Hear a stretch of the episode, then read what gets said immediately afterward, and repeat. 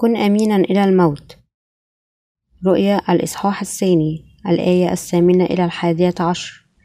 أثناء فترة الكنيسة الأولى الكثير من المسيحيين كانوا يهيمون في الأرض باحثين عن مكان آمن يمكن أن يهربوا إليه من اضطهاد السلطات الرومانية. استمرت الإمبراطورية الرومانية في سياسة الاضطهاد حتى بعد انتهاء عصر الإمبراطور نيرون. حيث كان لا يزال المسيحيون يتحدون سلطان الأباطرة التاليين. لقد قبل القديسون الأوائل واعترفوا بالسلطة الأرضية للأباطرة الرومان لكنهم رفضوا أن يعترفوا بها عندما تطلب ذلك منهم أن يتركوا إيمانهم. ولسبب أنهم وقفوا ضد هذا المطلب للسلطات الرومانية فإن تاريخ الكنيسة الأولى كان مليئا بالإضطهاد والاستشهاد. يجب علينا أن نسأل أنفسنا ما إذا كلمات الرؤية لها علاقة بالمؤمنين في الوقت الحالي؟ فعلى كل حال لقد كتبت منذ, منذ نحو ما يقرب من ألفي سنة وليس الآن أليس كذلك؟ وكانت موجهة إلى السبع كنايس في آسيا وليس هنا إذا كيف يمكن أن تكون ذات صلة بنا؟ أنها ذات صلة بنا لأن كلمة الله تعلن لنا ما سوف يحدث في المستقبل يجب أن ندرك أننا نحيا في عصر الفرس الأسود المرحلة الرابعة من عصور الأربعة أحصنة الموصوفة في رؤيا الإصحاح السادس ولأننا مررنا على عصري الفرس الأبيض والفرس الأحمر ونحن الآن نحيا في عصر الفرس الأسود نكاد نكون في نهايته. إن كل العالم أوشك مواجهة مجاعات عظيمة جسدية وروحية. في الواقع إنه لمن الأمان أن نقول أن عصر هذه المجاعة وصل بالفعل. عندما يمضي العصر الفرس الأسود الحاضر عصر المجاعة سيأتي عصر الفرس الأخضر. إن الأختام السبعة التي تكلم عنها رؤيا الإصحاح السادس تعني أن الله خطط في المسيح سبع عصور كاملة عندما خلق العالم. العصر الأول العصر الأول عصر الفرس الأبيض عصر الإنجيل. العصر الثاني عصر الفرس الأحمر عصر الشيطان عندما يجلب الشيطان تشويشا عظيما للعالم ويشن الحروب ويستمر في مضايقة كنيسة الله. هذه العصور يليها عصر الفرس الأسود الذي فيه مجاعات مادية وروحية تدمر العالم وعصر الفرس الأسود بدأ بالفعل. عندما ينتهي هذا العصر سيبدأ عصر الفرس الأخضر الذي فيه يظهر ضد المسيح وأيضا ويلات الأبواق السبعة الموصوفة في رؤيا الثامن. عندما ينفخ في آخر الأبواق السبعة سيختطف القديسون ثم يلي ذلك ويلات الجامات السبع بعدها سيكون عشاء عرس الحمل في الهواء للقديسون المختطفون. وعندما تنتهي كل ويلات الجامات السبع سيرجع الرب إلى الأرض معنا ويبدأ مملكته الألفية. المملكة الألفية تستتبع في السماء والأرض الجديدتان اللذان سينزلان على أولئك القديسين الذين عاشوا في المملكة الألفية بقيامتهم الأولى. هكذا إن الفقرات الواردة في سفر الرؤيا مثل كن أمينا إلى الموت فسأعطيك إكليل الحياة ومن يغلب لن يؤذيه الموت الثاني. تمسنا بشكل مباشر أي أن كلمات سفر الرؤيا ذات معنى فائق الأهمية للمسيحيين الذين يعيشون في عالم اليوم. ولو كانت كلمات الرؤيا غير ذات معنى لكانت كل كلمة الله بلا معنى. خطة العصور السبعة التي تكشف في سفر الرؤيا تنفذ وتتم في المسيح ربنا. عندما يأتي عصر الفرس الأخضر سيظهر ضد المسيح. نحتاج أن نكتشف من كلمة الله ما خطته ربنا لنا في ذلك الوقت. إنه أمر شديد الأهمية بالتأكيد أن نفهم من كلمة الرؤيا كيف بدأ الله خطته الشاملة لنا وكيف سيكملها وما الويلات التي ستصب على العالم وماذا يحدث للمؤمنين ما الكوارث ستصيب غير المؤمنين. وهلم جرى أنت يجب أن تقبل وتؤمن بالأهمية والصلة الشديدة التي لكلمة النبوة هذه بالنسبة لك. أنت يجب أيضا أن يكون لديك فهم سليم لما يتكلم عنه سفر الرؤيا مثل سبع سنوات الضيقة العظيمة والمجيء الثاني للسيد المسيح. العديد من مسيحي اليوم يؤمنون بمذهب اختطاف قبل الضيقة الذي ظهر في إنجلترا في 1800 وثلاثون وقد انتشر على نحو واسع. بعد ذلك من قبل عالم سمي سي آي سكوفيلد وهو أستاذ في معهد مودي للكتاب المقدس. هذه النظرية تفترض أن اختطاف القديسون سيحدث قبل فترة سبع سنوات الضيقة العظيمة بحسب هذه النظرية الأمم سيختطفون أولا وبعد ذلك يبدأ الله عمله لإنقاذ بني إسرائيل وأيضا اختطاف القديسين سيسبق كل من ظهور ضد المسيح وويلات الجامعات السبع. وبشكل عام أكثر المسيحيين يؤمنون إما بعد وجود الملك الألفي أو بنظرية اختطاف قبل الضيقة.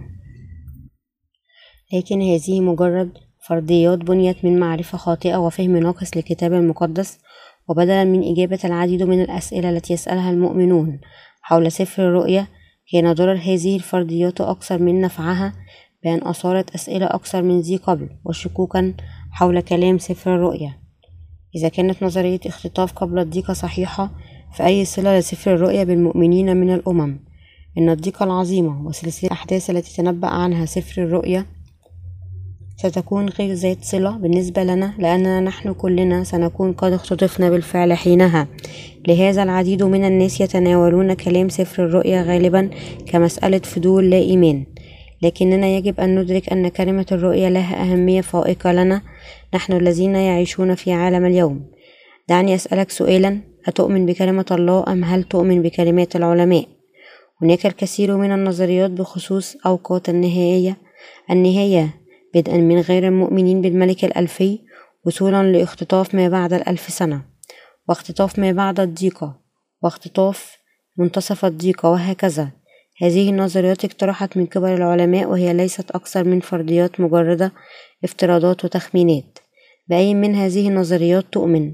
العديد من الناس يقولون بأنهم يؤمنون بنظرية اختطاف قبل الضيقة لأن ذلك ما علمهم إياه الكسوس. لكن دعوني أخبركم بوضوح وبشكل جازف. جازم أنت وأنا سنمر بويلات الأبواق السبعة ونعيش في وسط الضيقة العظيمة. ولأننا مقدر لنا أن نمر بالضيقة العظيمة إيماننا يجب أن يكون حقيقيا وقويا كفاية نتغلب على التجارب والمحن التي تنتظرنا. ما سيحدث إذا كنت تؤمن بنظرية اختطاف قبل الضيقة وقلت لنفسك سأختطف قبل الضيقة العظيمة. أنا لا أهتم بالأمر البتة ولم تعد إيمانك لآخر الأزمنة عندما تأتي فترة السبع سنوات من الضيقة العظيمة كما تقول كلمة الله. أولئك الذين لم يعدوا إيمانهم للضيقة سيغرقون في حيرة في حيرة العظيمة وألم وربما حتى الموت وهكذا حتى إيمان بيسوع في حد ذاته قد يتزعزع. العديد منهم لن يكونوا قادرين أن يتغلبوا على الضيقة وينتهي بهم الأمر خاسرين معركة الإيمان.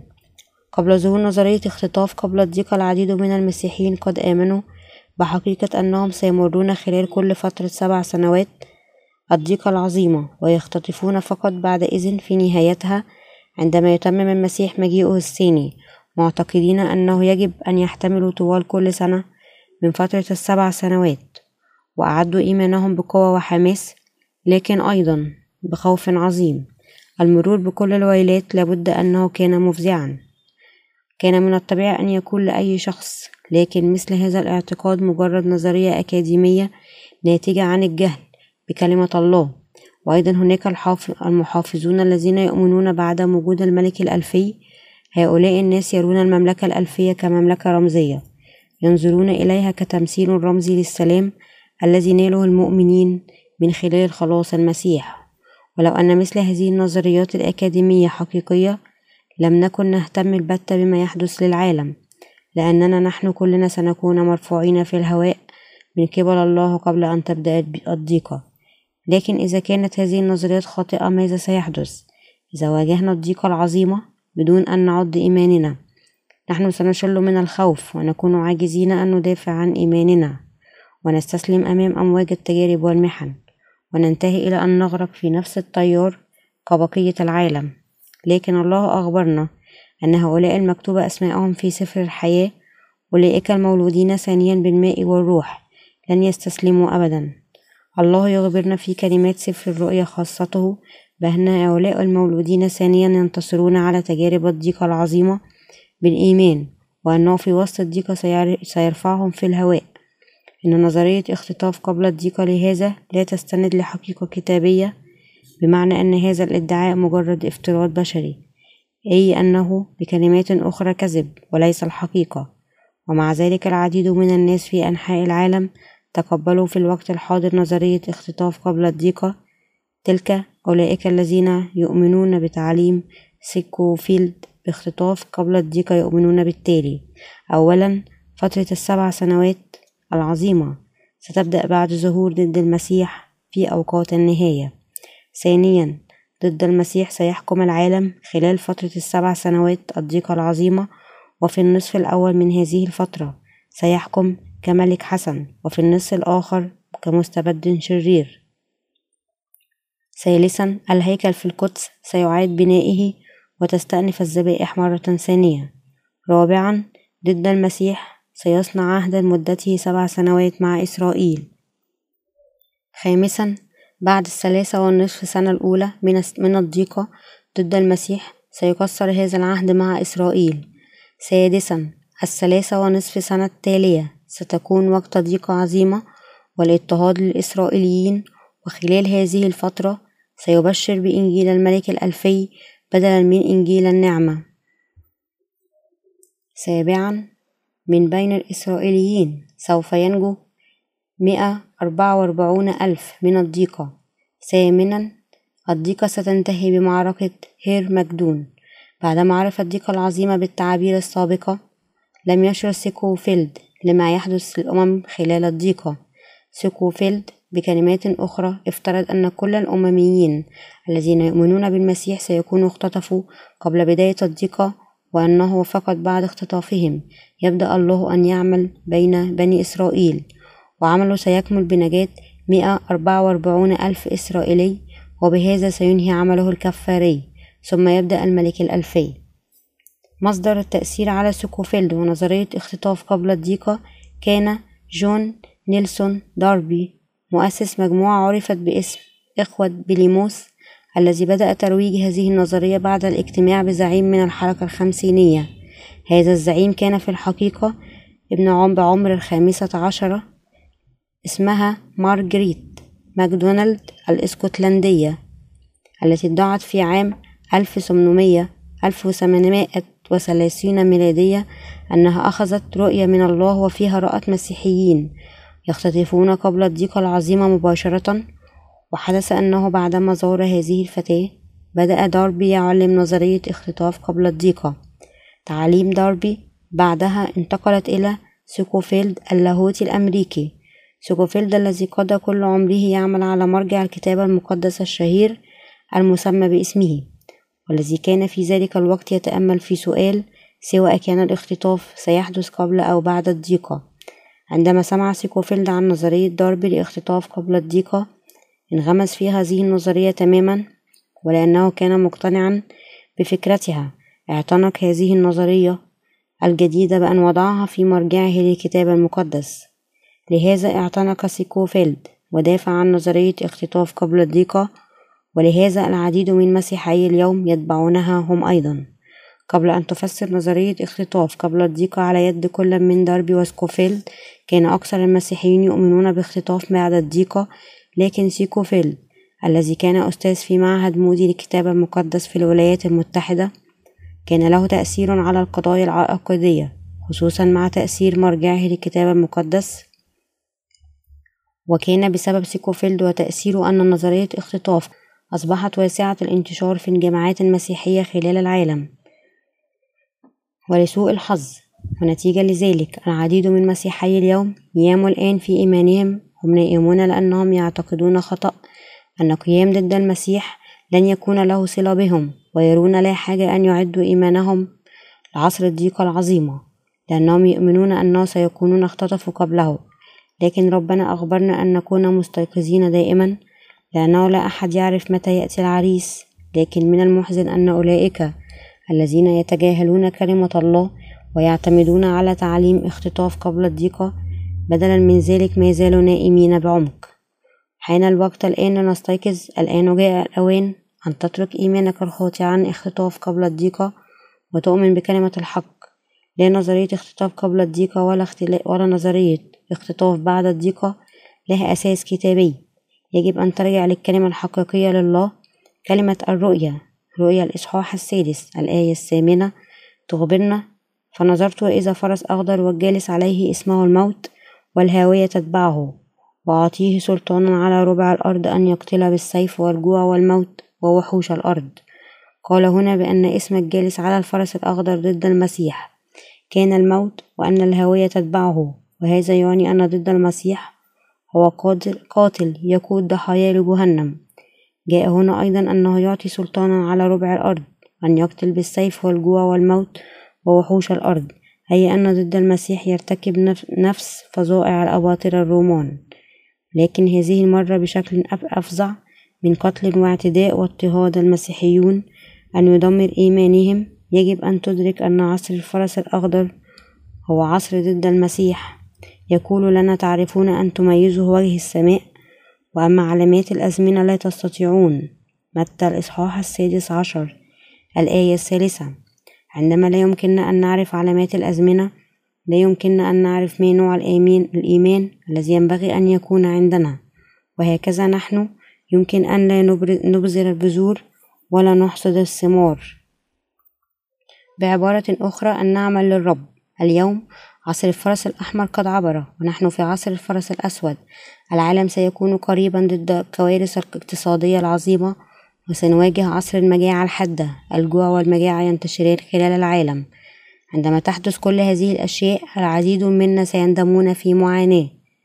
لا تكن واحدا منهم بدلا من ذلك. ليكن لك الإيمان الذي يستطيع أن يميز علامات الأزمنة. عصر اليوم هو عصر الفرس الأسود. عندما يمضي هذا العصر للحصان الأسود يأتي عصر الفرس الأخضر ضد المسيح. سيظهر في هذه الفترة ويقتل بشكل عشوائي ويضطهد القديسون ويشير هذا العصر لعصر الاستشهاد. رؤيا الإصحاح الثالث عشر الآية السادسة إلى الثامنة تقول ففتح فمه بالتجديف على الله ليجدف على اسمه وعلى مسكنه وعلى الساكنين في السماء وأعطى أن يصنع حربا مع القديسين ويغلبهم وأعطى سلطانا على كل قبيلة ولسان وأمة فسيسجد له جميع الساكنين على الأرض الذين ليست أسماءهم مكتوبة منذ تأسيس العالم. وفي سفر حياة الخروف الذي ذبح. تشير الفقرة ضد المسيح. الفقرة تخبرنا أن واحدا من حكام العالم سيعطي قوة الشيطان ليجدف على الله وأن يضطهد القديسين. هذا هو ابن الشيطان. بقوة التنين بقوته هو سيقاتل ويغلب القديسين. ولكن بلفظ يغلب هو فقط يعني بأنه يجعل من القديسين شهداء. هذا يشير فقط لموت القديسين الجسدي ضد المسيح لا يمكن أن يأخذ إيمان القديسين نفسه. ما قال سيكوفيلد؟ كان أن القديسين لن يواجهون الضيقة العظيمة لكن بدون سبع سنوات الضيقة العظيمة هناك لا يمكن أن يكون ملك ألفي للقديسين. القديسون سيجيئون من الضيقة العظيمة كشهداء وهذه نبوة الكتاب بأن الكل كان مخططا في السيد المسيح يسوع منذ بدء العالم. كان تاريخ العالم ينتهي عندما تتم أعمال السيد المسيح. أنت يجب أن تكون قادر أن تعرف العصور السبعة التي أعدها الله لنا. إن العصر الأول هو عصر الفرس الأبيض العصر الذي فيه كلمة الله تبدأ عملها. العصر الثاني عصر الفرس الأحمر عصر الشيطان. إن العصر الثالث هو الفرس الأسود عصر المجاعة المادية والروحية. إن العصر الرابع هو الفرس الأخضر وهو عصر قيام ضد المسيح. هذا هو عصر الأبواق السبعة. عصر الاستشهاد إن الفشل في معرفة عصر الفرس الأخضر هذا الذي جعل الناس محتارين جدا بدون معرفة هذا العصر. نحن لا يمكن أن نعيش حياتنا بشكل صحيح كمسيحيين مولودين ثانيا. إذا نبقى غافلين إلى ما ينتظرنا كيف نحن يمكن أن نكون جاهزين للمستقبل؟ حتى الناس الذين يجرون أعمال يجب أن يعرفوا مقدما الاتجاهات المغيرة للأوقات ليكونوا ناجحين. كيف يمكن أننا المؤمنون في السيد المسيح نكون جاهزين لعودته بينما نحن ليس عندنا إشارة بالنسبة لما ينتظرنا؟ نحن يجب أن يكون عندنا فهم واضح للمحنة العظيمة لنكون مستعدين لها. القديسون سيعيشون خلال الثلاثة والنصف سنة الأولى من الضيقة وإنه خلال هذا الوقت يستشهدون. هم لن يمروا خلال كل السنوات السبعة للمحنة لكن فقط النصف الأول. وبعد ذلك باستشهادهم سيقومون ويختطفون. عندما القديسون يختطفون هذا لا يعني أن السيد المسيح سينزل إلى الأرض لكن بالأحرى أن الرب سيرفعهم في الهواء إلى عشاء عرس الحمل. هذه الأرض في نفس الوقت ستبتلع من قبل ويلات الجامات السبع. أولئك الذين سيرجعون إلى الأرض مع السيد المسيح بعد الويلات هم فقط الذين نالوا غفران الآثام بيض مثل الثلج بالإيمان بإنجيل الماء والروح المعطى من قبل الرب. لهذا نحن يجب أن نعد إيماننا بمعرفة هذا العصر وعلاقته الحرجة وأهميته لنا. ربنا أخبر ملاك كنيسة سمرنا أنا عارف أعمالك وضيقاتك وفقرك مع أنك غني. وتجديف القائلين أنهم يهود وليسوا يهود بل هم مجمع الشيطان. لا تخف البتة مما أنت عتيد أن تتألم به. هو ذا إبليس المزمع أن يلقي بعضكم منكم في السجن لكي تجربوا ويكون لكم ضيق عشرة أيام. كنت أمينا للموت أعطيك إكليل الحياة. ومن هذه الفقرة نحن يمكن أن نرى أن كنيسة سمرنا كانت قد اضطهدت بشدة من قبل اليهود لكن الرب قال بأن هؤلاء اليهود ما كانوا حقا يهود لكن مجمع الشيطان. قال الرب هذا فقط لكنيسة سمرنا. لكن إلى كل الكنائس السبعة في آسيا كان هناك جماعة يهودية كبيرة في سمرنا التي على الرغم من حقيقة أنهم يهود يعبدون نفس الله كالمؤمنين بالمسيح إلا أنهم اضطهدوا القديسين. وعلى الرغم من هذا فعلوا بكنيسة سمرنا كما فعل الرومان. قال الله إلى القديسين الذين يواجهون هذا الاضطهاد كن أمينا إلى الموت فسأعطيك إكليل الحياة والذي يغلب لن يؤذيه الموت الثاني. أخبر الله القديسين أنهم يجب أن يغلبوا على نفس النمط نحن. أيضا يجب أن نقاتل ضد المسيح إلى النهاية ونتغلب عليه في معركتنا بالإيمان.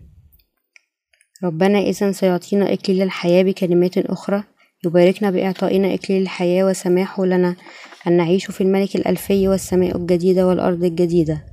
هل أنت عندك الشجاعة أن تستشهد؟ الآن الوقت لك أن تعد إيمانك للاستشهاد ولتعمل هذا. أنت يجب أن يكون عندك إيمان الفداء الذي يمكنك تماما أن تقف أمام الرب بالإيمان الذي يستطيع أن يقبل الاستشهاد بدون تردد.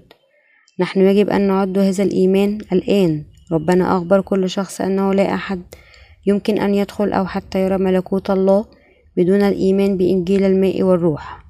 وهو قد أخبرنا أن الإيمان بهذا الإنجيل هو إيمان الاستشهاد في أوقات النهاية. إذا كان هناك خطية في قلوب الناس كيف يمكن أن يستشهدوا؟ وبدلا من أن يكونوا شهداء هم سيكونون الناس الذين يقودون الآخرين. أن يستلموا علامات الوحش لا شيء إلا إنجيل الماء والروح. يمكن أن يطهر أسامنا ليس حتى صلواتك للتوبة التي تقدمها روتينيا. يمكن أن تطهر آثامك إن محاولة أن تطهر آثامك بصلوات التوبة هو فقط إهدار للوقت والجهد. أولئك الذين يحاولون أن يؤمنوا أكثر فيما يقول علماء الدين عن ما تخبرهم به كلمة الله في الحقيقة حقيقة أن العلماء الذين فيهم يضع العديد جدا من المسيحيين ثقتهم يجادلون ويؤمنون بعدم وجود الملك الألفي فقط. يبين هم كم جهل بالكتاب وهم المفترض أنهم خبراء كتابيين. وطبقا لغير المؤمنين بالملك الألفي أنه لن يكون لا ملك ألفي ولا استشهاد قديسين في الضيقة العظيمة. إلى أولئك الذين يؤمنون بنظرية الاختطاف أو غير المؤمنين بالملك الألفي أو اختطاف قبل ضيقة في سفر الرؤيا كأنه بلا معنى له. كلمة الرؤيا هي كلمة الله إنه كلمة الله كتبت من قبل يوحنا الرسول. التلميذ المحبوب من السيد المسيح. لا أحد يمكن أن ينكر هذا. أنا لا أنتقد النظريات والمذاهب المؤسسة لعلماء الدين بدون أي سبب. لكن أنا أيضا أعد إيمانك لكي تكون قادر أن تكون مخلص للرب حتى الموت. إني لأدربك في كلمات الكتاب المقدس لكي تكون مستعد أن تقاوم اضطهاد الضيقة العظيمة باستعداد مصمم أن يقبل الاستشهاد. لتعمل هذا أنت يجب أن تعد إيمانك بإنجيل الماء والروح. الآن أولئك الذين لا يؤمنون بإنجيل الماء والروح. من الناحية الأخرى سيستسلمون أمام الشيطان وينتهون بأعداء الله لأن الذين لم تكتب أسماءهم في سفر الحياة يعبدون الشيطان. هذا ما تخبرنا به كلمة الله.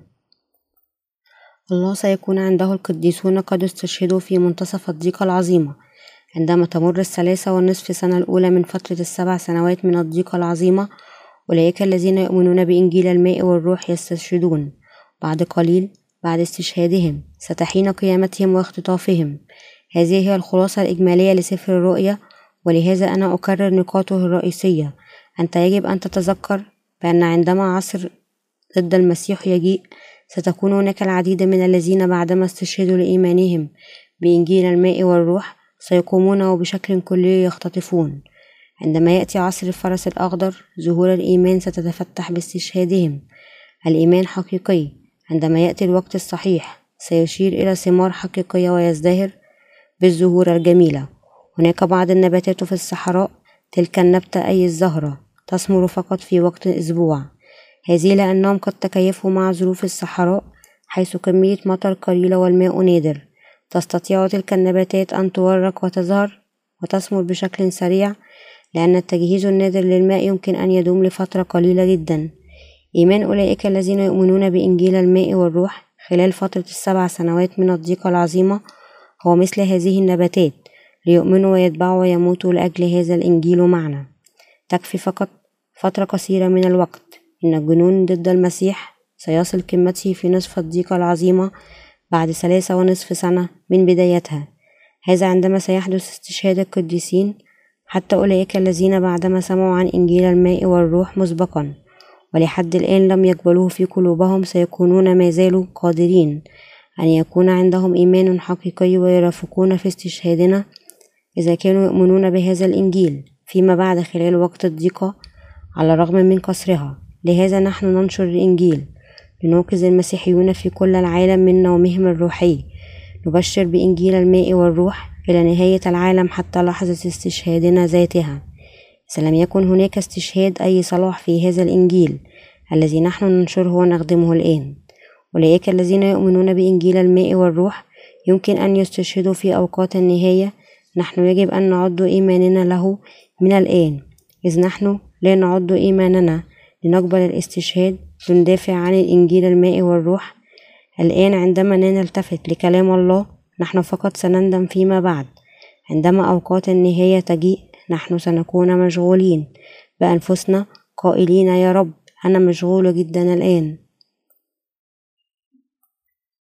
فقط انتظر قليلا سأتوب الآن. إذا كان هذا هو نوع الإيمان الذي نحمله حتى النهاية الرب يخبرنا لماذا أنتم فقط لا تقفزون في بحيرة وتحترقون؟ أنتم أكثر من مؤهلين لذلك. أولئك الذين عندهم خطية الآن يجب أن يدركوا بأنهم ينتهون مثل هذا في النهاية. لهذا الله قال من له أذن للسمع في فيما الروح يقول للكنائس. في وقت استشهاد القديسين البيئة الطبيعية للعالم كان يمكن أن تحطم بالكامل الغابات تحترق البحار الإنهار والينابيع تتحول إلى دم متعفن والشمس والقمر والنجوم يفقدون نورهم. سيبتلع العالم الكامل في الظلمة سكانه محكومين بالأرواح الشريرة. سيفقدون عقولهم سلوكهم سيصبح عنيف بشكل وحشي. هم فقط هدفهم سيصبح أن يجمعوا ويقتلوا كل أبناء الله الذين يمكن أن يجدوهم. لهذا أنت يجب أن تفهم وتثق بكلمة الرؤية. كنائس اليوم تهتم بالبناية الأكبر والكنائس أطول ويصرفون ملايين من الدولارات ليبنوا كنائسهم. ولحد الآن في قلوبهم يجدون فقط الخطية. ليس هذا هو الإيمان الذي يمكن أن يقبل الاستشهاد ليسوع. هؤلاء الناس يجب أولا أن يتطهروا في قلوبهم من أسامهم. العالم سيدخل عصر الضيق قريبا عصر الفرس الأخضر. أتمنى وأصلي بأنك سيكون عندك نوع الإيمان الذي يمكن أن يقبل الاستشهاد ويبقى مخلصا للسيد المسيح حتى الموت. نحن يجب أن نثق بكلمة الرؤية بعد اختبارها بجدية بروح حقيقي